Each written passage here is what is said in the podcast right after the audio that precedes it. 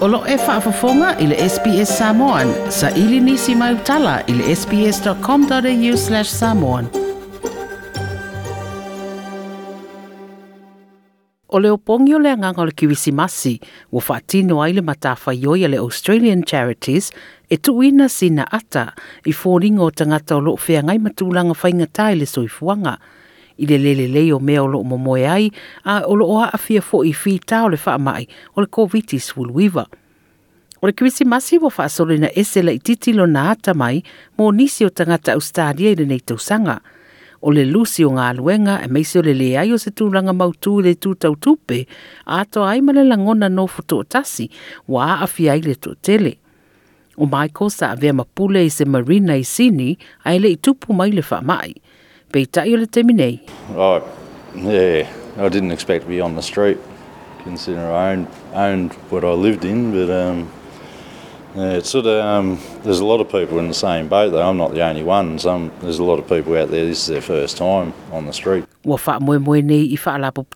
pe o le Parramatta Mission ma le o le Buddhist Foundation moni tau vevela ma le whaafunga i naulu. I hadn't had a haircut since the uh, start of the, well, the end of the last pandemic. So coming in here yesterday, I looked like Santa. I had all the grey hair, the big beard. So that, um, They did the haircut, but uh, I didn't ask them to do the beard. O Santa's Little Helpers, le foita ua o volunteers i le Parramatta Mission, o lo kuka tau mafa, ma ina o tangata, ma tū whaatasia hampers o le kirisimasi, mo i tau o lo mana o mia le fisoswani.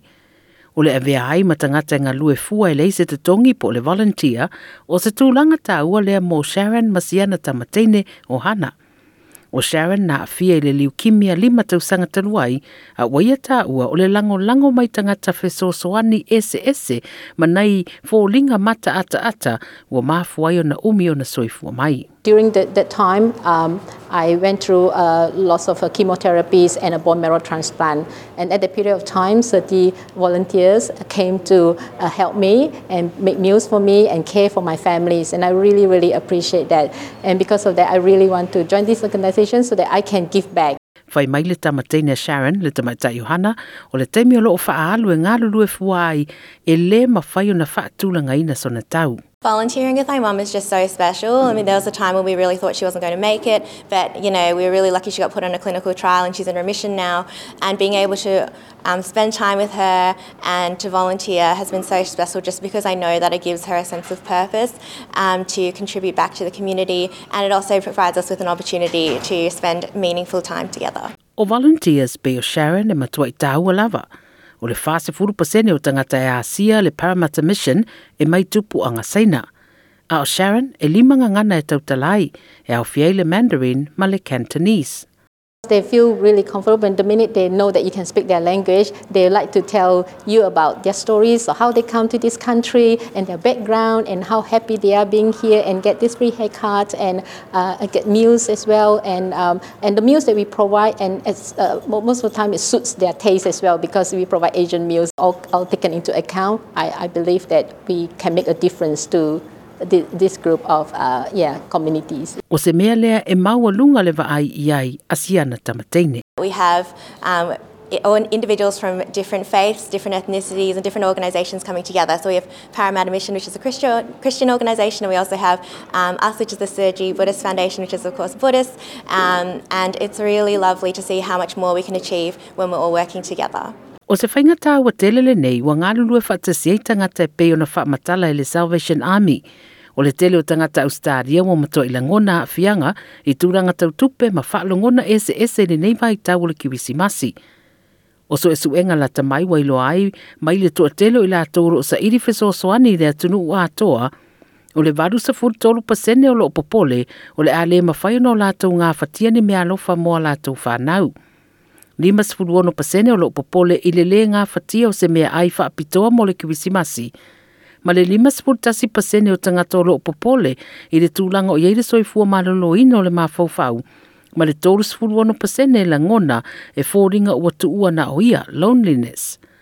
O Donna Poid o le Vinnie Support Centre i Red Fern na ia tāua.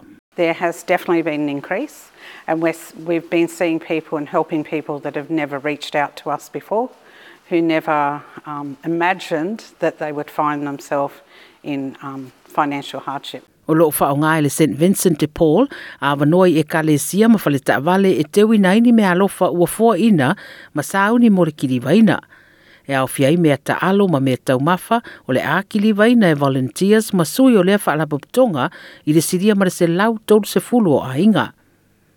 Mo le temi nei, Turbans for Australia, lo lato tu whaatsia fo ini hampas o le masi ma wasidia ma le balu se lau wa sauni mo le pikiina. Saunoa Ola Hamed, mai le Cumberland Council. with uh, Christmas around the corner, it is so humbling uh, to know that Turbans for Australia are here ready to provide much needed food relief for vulnerable people. O community mai vaenga ese ese o le atunuu, wa tutu whaatasi i le anganga o le kiwisimasi. O le lipoti na tu whaatsia, Bernadette Clark, le SBS News, ia maua whaaniliwina e mōlou sirafia i ia fo i lelei i le vaitau kiwisimasi. toi fia whaafafonga i nisi tala whaapea? Whaafafonga i le Apple Podcast, le Google Podcast, Spotify, ma po o whea lawa e mawailau podcast.